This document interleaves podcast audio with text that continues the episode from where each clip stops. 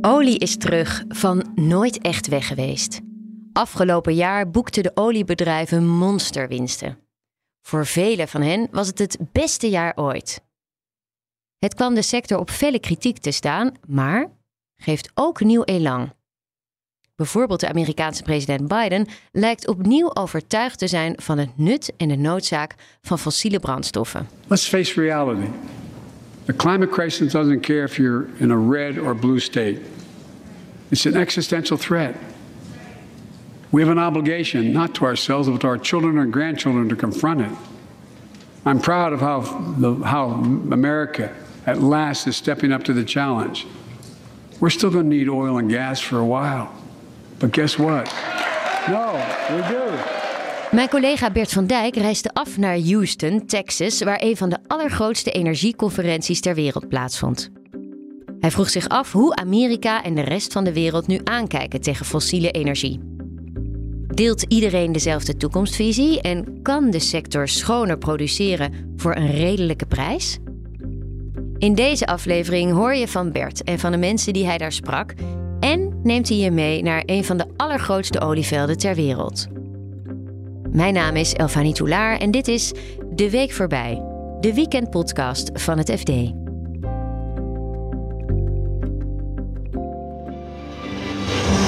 Zero Week 2023 starts now.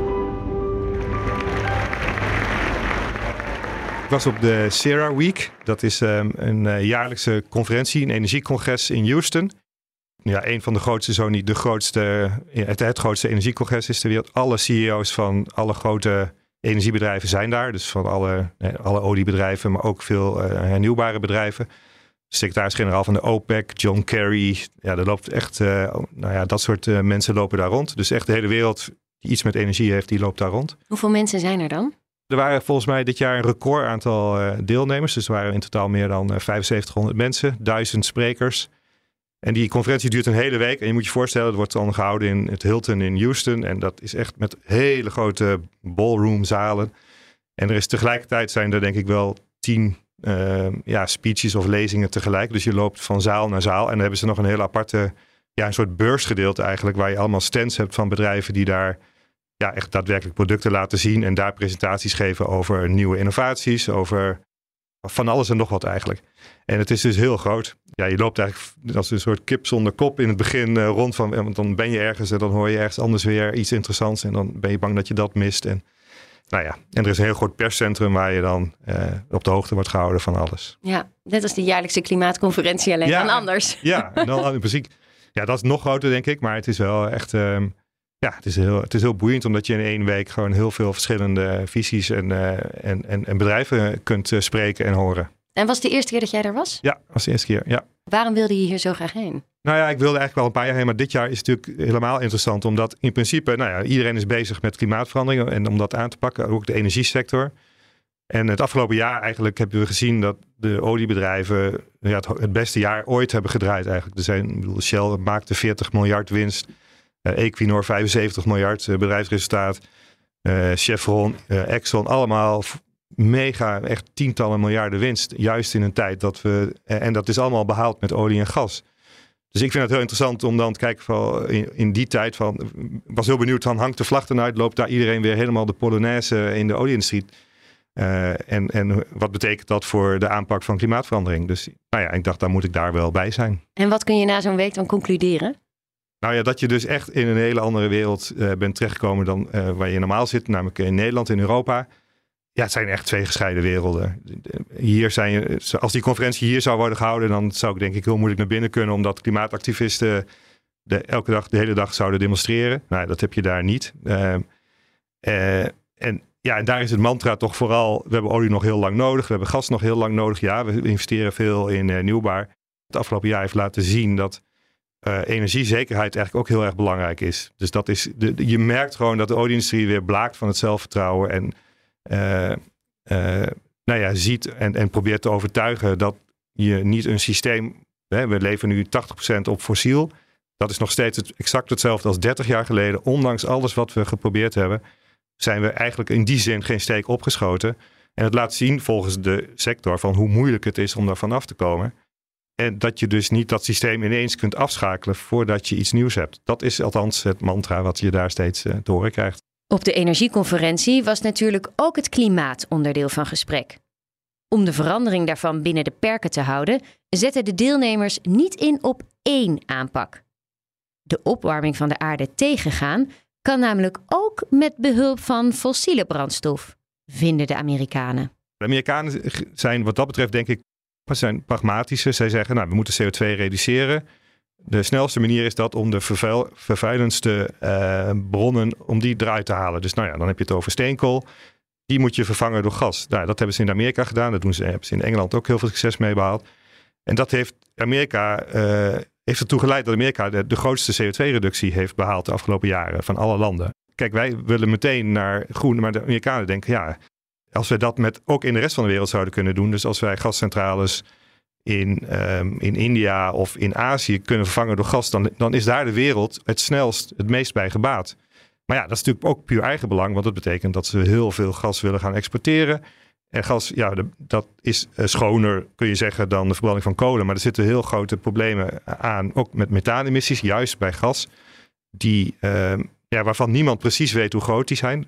Alle onderzoeken wijzen erop dat er veel meer methaan wordt uitgestoten dan er wordt gerapporteerd. En dat is daar ook wel echt een groot thema. Bemoedigende is wel dat er steeds meer, ook vanuit de overheid, maar ook vanuit NGO's uh, en vanuit druk van aandeelhouders en klanten, echt daadwerkelijk gemeten wordt. Want er is heel veel wordt er nu berekend over die uitstoot. Maar er worden nu heel veel vliegtuigen gebruikt die uh, dat, dat kunnen meten met speciale apparatuur, met satellieten. En dus ook uh, kunnen bedrijven daaraan worden gehouden.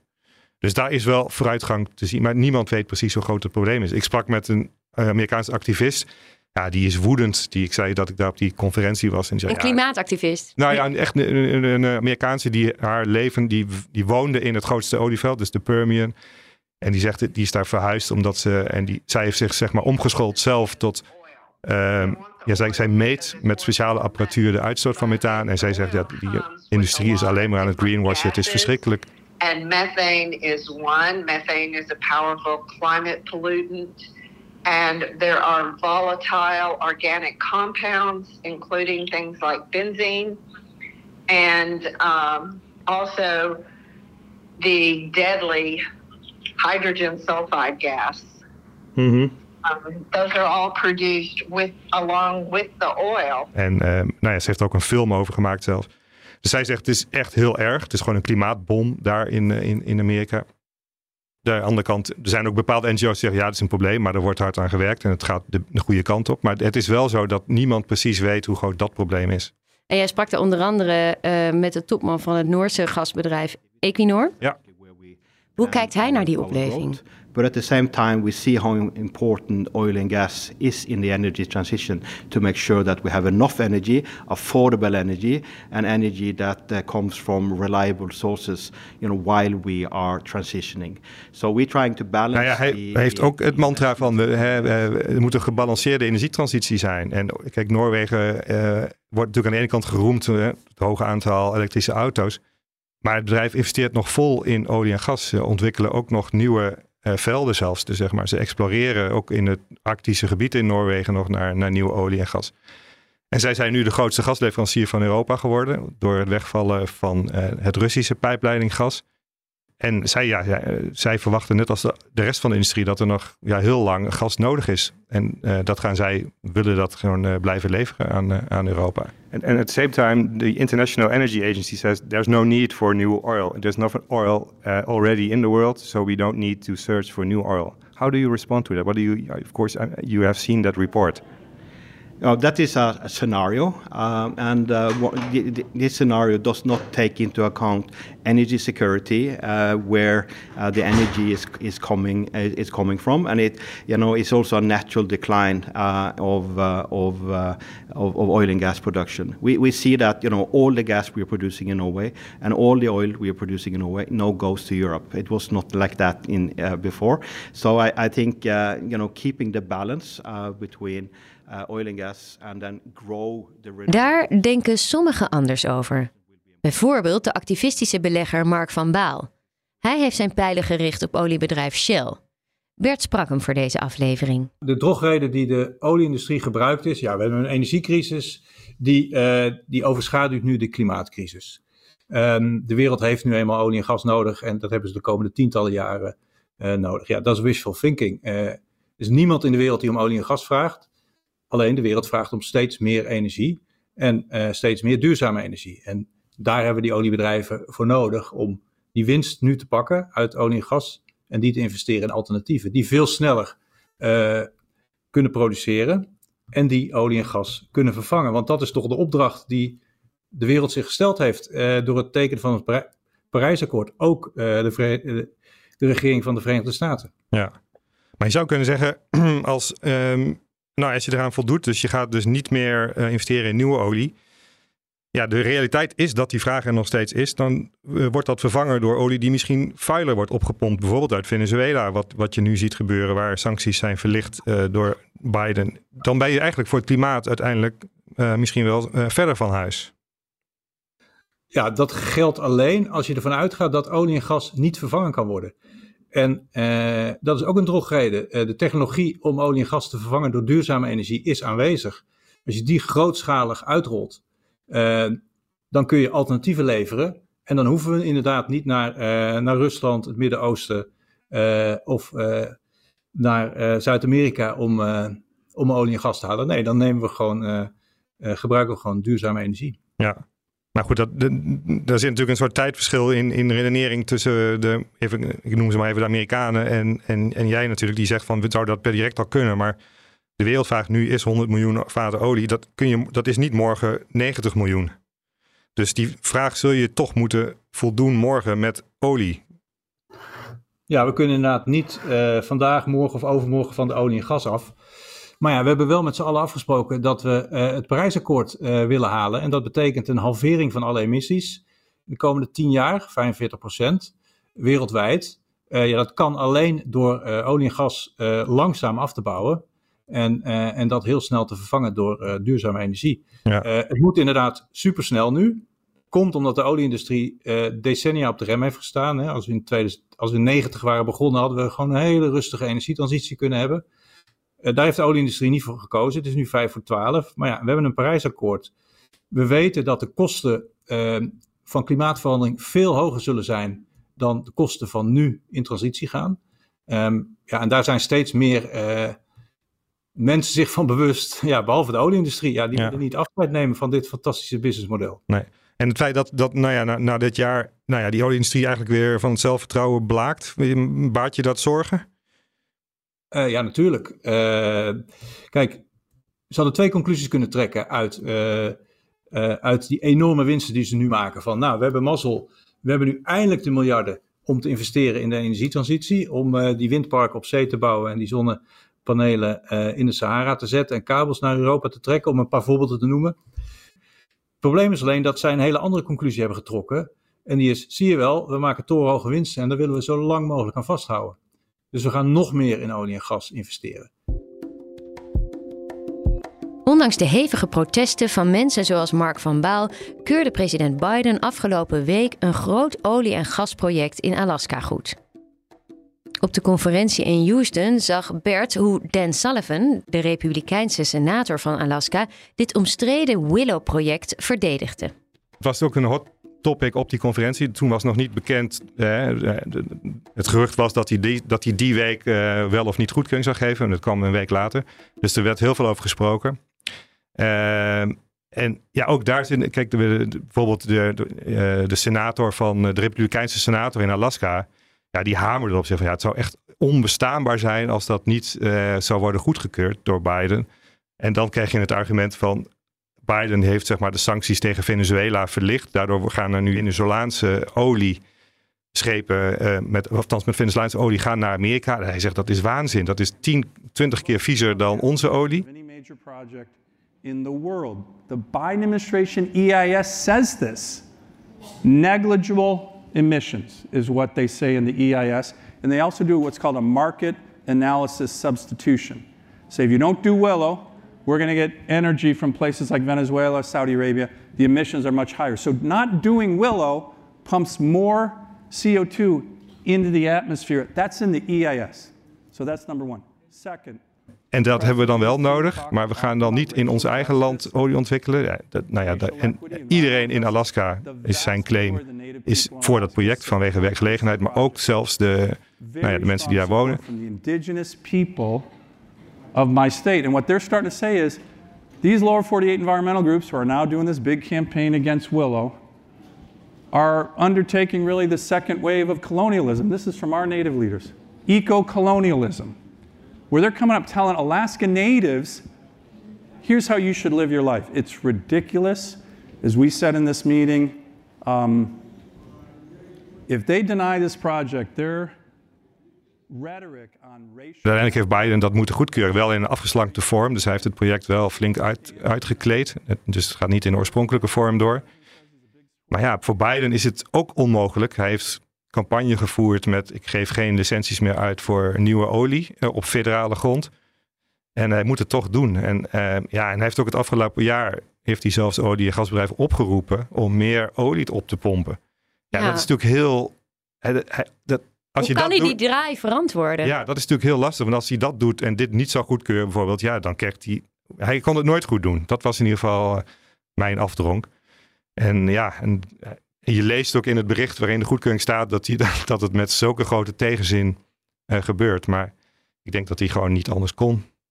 Want anders worden, die, worden de Amerikanen in hun portemonnee geraakt. Ja, en het is dan, dan moet je uitleggen waarom je dan wel uit Venez- Venezuela, een corrupt regime, waar, met inderdaad een echt een hele vieze winning, waarom je die olie dan wil naar eh, de Verenigde Staten wil halen in plaats van eigen olie.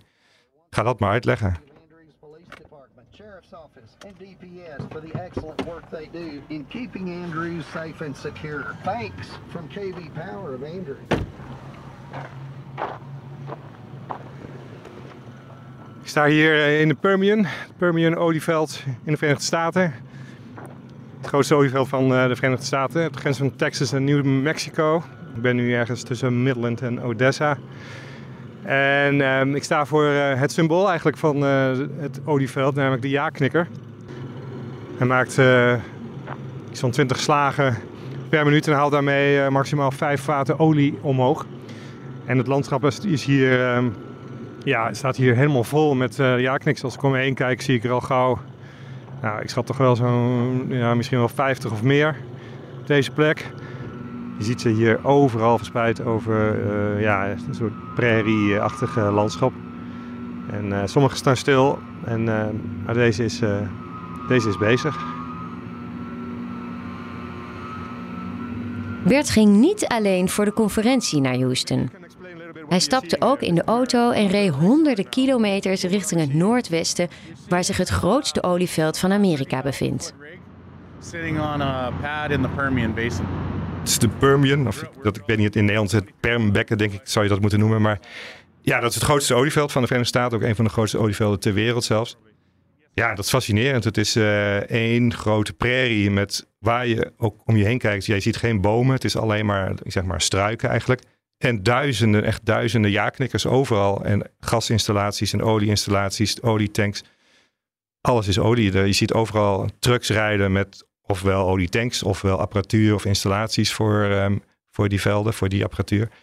Ehm, en ik ben naar Midland en Odessa geweest. Dat is eigenlijk het hart. Dat zijn de twee oliestadjes daar. En ja, daar, dat, alles is daar olie. Het, Ruikt het ook naar olie? Ja, je ruikt het letterlijk als je daar rondloopt ook gewoon gas, olie. Het, je ruikt fossiel.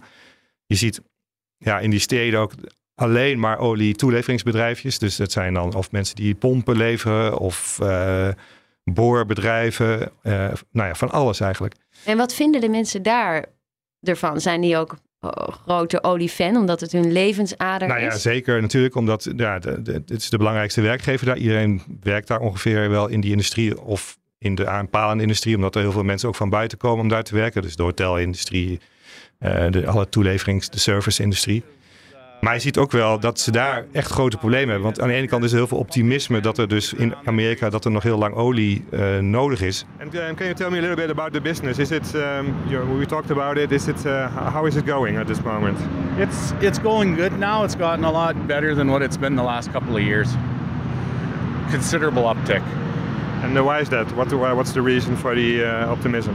The price of oil, and we just keep burning more and more of it. Yeah. The uh, the amount required every year is getting to be a lot. Maar daar zien ze, ja, maar we hebben wel een probleem, want we kunnen geen mensen meer krijgen. Met name, en dat is heel grappig, 18 tot 30 jaar, dus de jongeren. Ik sprak met zo'n bedrijf dat heette Lasso Drilling. Nou ja, hoe mooier een Texaanse naam voor een olieboorbedrijf kun je niet bedenken. En die zeggen, ja, we hebben echt een probleem, want die mensen krijgen wij niet meer. Die willen niet meer werken in deze industrie. Die willen niet in de fossiele industrie werken. En die hebben we heel hard nodig, dit soort mensen. Dus ja, we kunnen wel meer gaan betalen, maar onze kosten zijn ook opgelopen. We hebben te maken met veel hogere ja, kosten voor onze apparatuur. Dus dat is wel een probleem. Dus er is aan de ene kant wel het idee van we gaan daar nog heel lang eh, door. Maar nou ja, daar zelf in die in regio zeggen ze ja, ho, maar dat is nog niet zomaar gezegd. Yeah, I think culturally we've seen a shift in the young people not wanting to be part of the energy business. So we have a lack of 18 to kind of the 30 year old range guys wanting to join the industry, um, which is traditionally our pool of, of talent that we will, you know, bring in and enable them to, to grow through. Um, I don't know. And how do you cope with it? How do you, I mean, how do you, what, what's the alternative?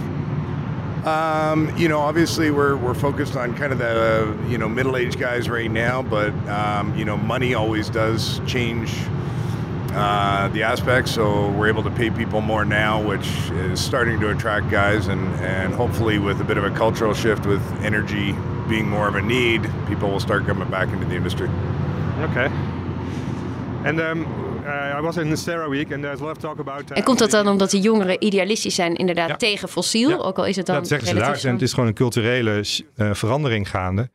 In Nederland eh, ja, is dat natuurlijk al wel duidelijk en dat hoor je ook wel. Maar ook in hardcore Texas is dat dus wel eh, echt een probleem aan het worden. En tegelijkertijd produceren ze daar ook heel veel windenergie. Ja, Dus dan gaan ze liever daar werken, die dat jongeren. is het. Ze willen liever bij Tesla werken of bij, eh, bij, eh, ja, bij een hernieuwbaar energiebedrijf. Het is een spagaat, hè? Want Ja. eh, Extinction Rebellion ondertussen, die zich, eh, terwijl jij daar rondreisde, Precies. hier vastplakt op de A12. Die zeggen, ja, we moeten er nou eenmaal vanaf, van al die fossiele brandstoffen. Ja. En we moeten die consequenties pakken. En een deel daarvan zegt, ja, dat betekent dat we ons hele leven moeten aanpassen. Ja. Ja. Daarvoor krijg je niet iedereen mee Nee, natuurlijk. maar dat is denk ik het grote verschil. Kijk, iedereen, denk ik, is er wel over eens dat we uiteindelijk van fossiel afgaan. Maar ja, Extinction Rebellion wil dat, dat we dat morgen doen eigenlijk. Ehm, ja, en daarvan zeggen heel veel mensen, ja, dat kan niet. En dat gaan we ook niet doen, omdat dat de consequenties daarvan... Ja, er zijn andere problemen dan... Kijk, bij Extinction Rebellion is het klimaat is het belangrijkste probleem in de wereld. Maar voor heel veel mensen zijn ook, is armoedebestrijding, is zorg... Zijn, zijn, er zijn andere problemen op de wereld voor heel veel andere mensen. En ehm, ja, dat is natuurlijk het spanningsveld. Dit was hem voor deze week. Dankjewel voor het luisteren. Als je deze podcast leuk vindt, deel hem dan met je vrienden. En abonneer je vooral. Dat kun je doen door te zoeken op FD de Week voorbij, waar je dan ook naar podcast luistert. Ik ben te vinden op Twitter, Elfanie. En je kunt natuurlijk ook altijd een mailtje sturen naar podcast.fd.nl. Want we vinden het heel leuk om van mensen te horen.